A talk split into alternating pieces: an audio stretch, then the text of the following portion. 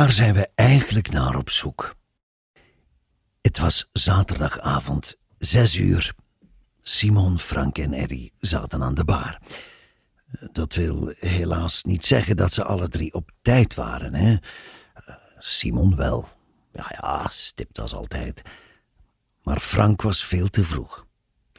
Hij was hier ergens tussen twaalf en één zodat hij de hele middag nog kon puzzelen voor de grand finale vanavond.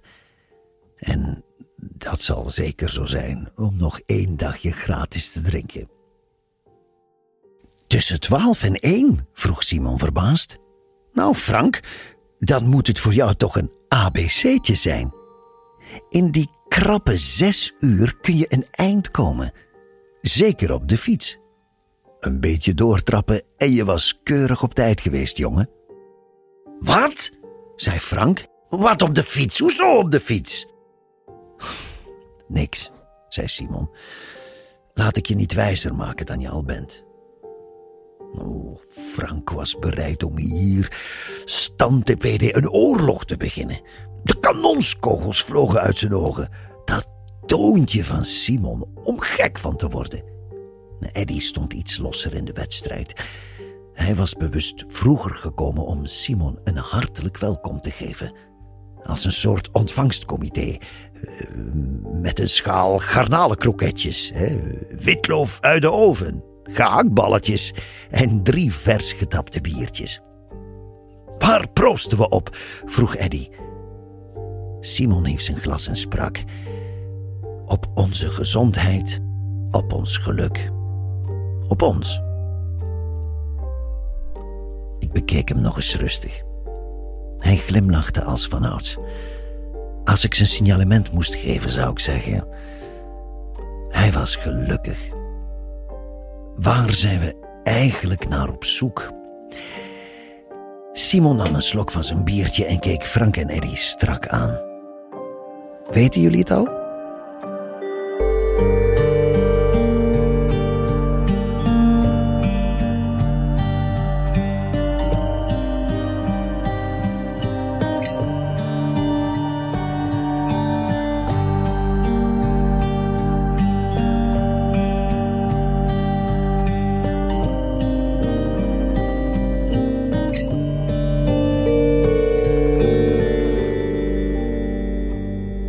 Frank was de eerste die iets riep.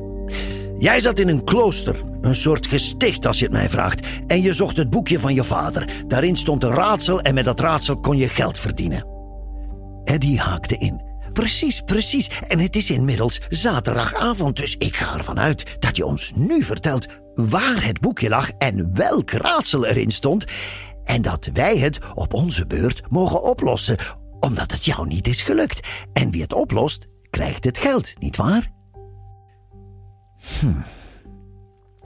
Simon knikte. Ja? Ja, maar eh, als het me alleen om dat raadsel ging, zei hij, dan had ik dat toch net zo goed meteen kunnen vertellen. Klopt, zei Frank. Zeker, absoluut. Had je kunnen doen. Maar goed, nu weten we hoe jij vakantie viert. In die secte, hè? Ja, we hebben er een week naar geluisterd. Laat de foto's vooral zitten. Dan kunnen we vanavond lekker drinken tot we met dubbele tong onder de tap hangen. En dan doen we maandag allemaal weer normaal. Louis, schenk ons vol. En dat raadsel dan? vroeg Simon. Gaan jullie dat nog oplossen? Ja, dat raadsel dan, zei Eddie droog. Ga jij het nog vertellen? Het was de laatste dag in het klooster. Simon stond met lege handen, maar hij was nog niet wanhopig of, of gestrest of verbitterd geraakt. Wel nee. In het beste geval, dacht hij, vind je zo'n boekje op de laatste avond. In blessuretijd, hè? Ja, dat kon in films, het kon in voetbalstadions, het kon in kloosters. Hij zou vandaag de non zoeken en haar om hulp vragen. Als het nodig was, want Simon had zich herpakt en zocht liever nog even op eigen houtje naar het boekje, naar. naar zijn cadeautje. En naar het laatste zakgeld van zijn vader. Dus liep hij eerst naar de keuken. Hij trok wat laadjes open, bekeek het aanrecht en zag niks geks. Behalve een niet opgeruimde houten spatel die over de spoelbak lag. Verder naar de eetzaal, over de koude vloer van kobbelstenen, langs de kroonluchter met één lampje dat niet goed was aangedraaid. Het flakkerde boven het midden van de tafel. En door naar de kelder, waar Simon een uitgestalde typemachine vond. Ja, met een vel papier erin, met daarop de eerste zin van een drammerig essay. Dat ging als volgt. Dus jij denkt dat je over water kan lopen, hè? Nou, laat maar zien. Toe dan. Jezus, jongen, brak Frank weer in. Wat is hier nou leuk aan? Simon vertelde verder. Hij was in de kelder gebleven om nog wat aan te rommelen toen hij geluid op de trap hoorde. Het geklik en geklak van voetstappen. Steeds dichterbij. Simon bleef staan, stokstijf als een standbeeld, en zag de deur langzaam opengaan. Grote trui, capuchon. De monnik, riep Eddy. Ja, heel goed, zei Simon, de monnik. Het was een ongemakkelijk moment geweest in die kelder, want Simon had wel een paar vragen, maar wist dat de monnik niets zou zeggen. Toch maar proberen. Wat uh, weet jij van het boekje? vroeg hij. De monnik zweeg. Simon keek naar de typemachine. Uh, zeg, heb jij dat zinnetje soms geschreven? Goed, zei Simon. Hij pakte het velletje papier, knikte de monnik gedag en liep weg uit de kelder. Het trappetje op, de smalle gangetjes door, richting zijn kamer. Daar was hij op bed gaan liggen om nog één keer goed helder na te denken. Waar lag dat boekje? Nou, vroeg Frank. Ja, zei Simon. Hij, uh, hij lag zo lekker dat hij eigenlijk vrij snel was ingedommeld. Stom, maar ja. En toen hij wakker was geworden, had hij zijn koffer alvast maar ingepakt. Het liefst was hij langer gebleven, och ja, maar hij zou de volgende ochtend vroeg vertrekken om zich weer in het dagelijkse, geasfalteerde leven te storten. Er moest weer gewerkt worden, hè. Op het moment dat hij naar beneden wilde lopen, werd er een kaartje onder zijn deur geschoven. Een nieuwe huisregel, al was dat even niet interessant. Simon zwiepte gelijk de deur open. Toch niet weer die monnik, hè? vroeg Eddy. Nee, zei Simon, niet de monnik, de non. En, had ze hem gevraagd, lukt het? Heb je het gevonden? Nee, zei Simon. Nee, ik heb overal gezocht, denk ik, en genoeg rariteiten gezien. Grapjes van mijn vader, maar. Maar het boekje, nee, dat heb ik nergens kunnen vinden. Klopt, zei de non. Klopt. Ik uh, was eigenlijk van plan om zo dadelijk vast uit te checken, vervolgde Simon. Mijn koffer is al. Klopt, zei je? Hoezo klopt? Hij keek de non onderzoekend aan. Ze glimlachte als een, als een geduldige moeder die wacht tot haar kind begrijpt dat Sinterklaas niet bestaat. Dus ik zoek hier een boekje en ik kan het nergens vinden en jij zegt doodleuk? Klopt. Met andere woorden, het, uh, het ligt hier helemaal niet. Hm, zei de non. Klopt. Waarom? vroeg Simon. Waarom heb je dat niet eerder gezegd? Ho, je hebt het nooit gevraagd. Kijk naar mij, zei ze plagerig. Ik vraag van alles aan iedereen. Zo kom je nog eens wat te weten. Ja, zei Simon cynisch. Ja, of iemand wel eens een biljartwedstrijd heeft gekeken, of, uh, of iemand om drie uur met Flipje heeft afgesproken. En of diegene reuze toevallig zomaar jouw nummer in zijn telefoon heeft staan. Goeie god, wat relevant zeg. Goed, goed, knikte de non.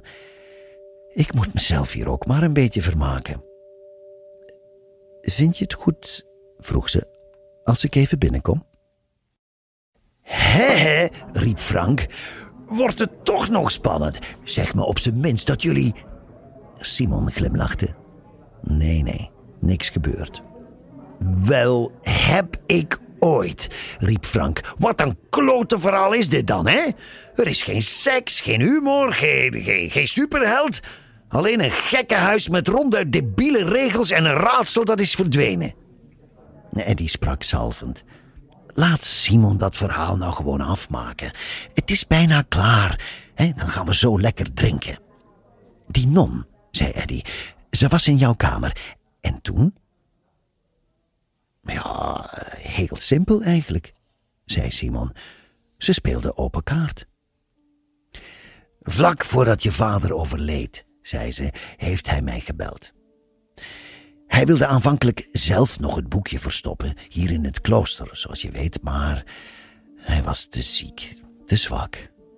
Dus heeft hij mij gevraagd om een aantal, nou ja, geheime boodschappen voor jou achter te laten. Simon knikte. Geheime boodschappen uit zijn boekje bedoel je? Nee, zei de non. Nee, er is nooit een boekje geweest. Dat vond je vader bij nader inzien nog leuker. Het ging niet om het boekje.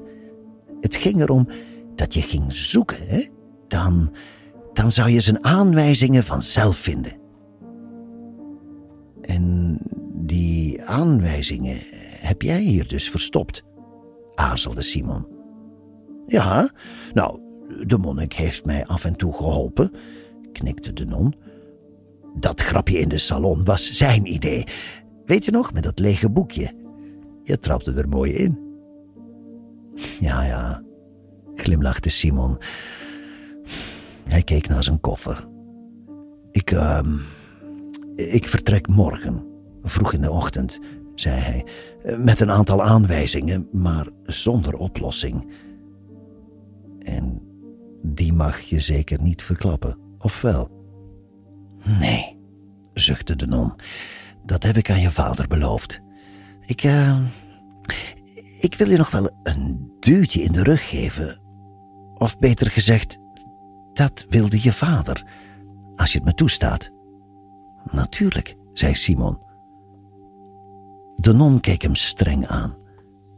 Volg de wijsheid, zei ze, en volg je hart. Hm? Dat zijn vaak twee gezworen vijanden, maar in dit geval, in jouw geval, wijzen ze allebei naar dezelfde plek. Oké, en dan? vroeg Simon. Dan is daar het laatste zakgeld verstopt of zo. Dat zal toch niet? Ik ga er niet vanuit dat mijn vader, ziek en zwak, nog ergens geld in de grond heeft begraven. Wat, wat moet ik doen als ik weet waar ik moet zijn, als ik het antwoord heb? Dan bel je mij, glimlachte de non. En dan geef ik je het geld. Ja, zuchtte Simon, leuk, maar kom aan, ik heb je nummer toch niet en niemand hier. O jongen toch, zei de non. Als je vader mijn nummer had, dan zou het zomaar kunnen dat jij het ook hebt, toch? Haar ogen twinkelden. Heb je wel eens in je telefoon gekeken? De non was de kamer uitgelopen. Simon had zich weer op bed laten vallen, met een glimlach en een traan. Gelukkig en melancholisch door deze laatste dans met zijn oude, idiote vader. Hij had nog maar weinig honger gehad, dus sloeg hij het diner over. Later op de avond had hij alvast betaald, uitgecheckt en was hij naar buiten gelopen, naar de veranda, om daar alleen in de stilte een sigaret te roken. En nog een. En nog een. Tot hij, vermoeid, met kleren aan op bed in slaap is gevallen. De volgende ochtend is hij vroeg vertrokken. Maar voordat hij wegging, liep Simon nog snel de woonkamer binnen. En ja hoor, daar zag hij nog één verse wijsheid op het krijtbord. Ha, niet te snel de horizon oversteken. Dan botst een natie. Kom, wees op tijd. Simon had de boodschap uitvoerig bestudeerd voordat hij zich had omgedraaid en met een brede glimlach het klooster had verlaten. Fijn, Simon. Dit was het? Goh, leuk verhaal, zei Frank. Dank je, zei Simon. Eddie sloeg wanhopig zijn notitieboek dicht en keek beduust voor zich uit. Nou jongens, vroeg Simon, wat willen jullie drinken? Tja, wat kan ik verder nog over die avond zeggen? Ze hebben gedronken tot ze met dubbele tong onder de tap hingen. Nou ja, Frank en Eddie. Simon is aan het eind van de avond stilletjes vertrokken. Hij heeft keurig het bonnetje betaald. En er een telefoonnummer opgeschreven. Ik heb hem nooit meer gezien.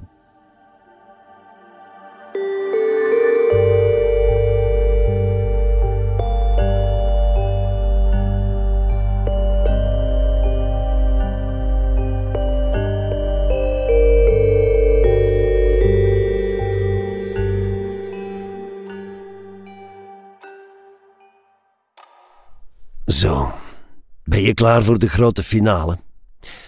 Ik hoop dat je dicht bij de oplossing bent.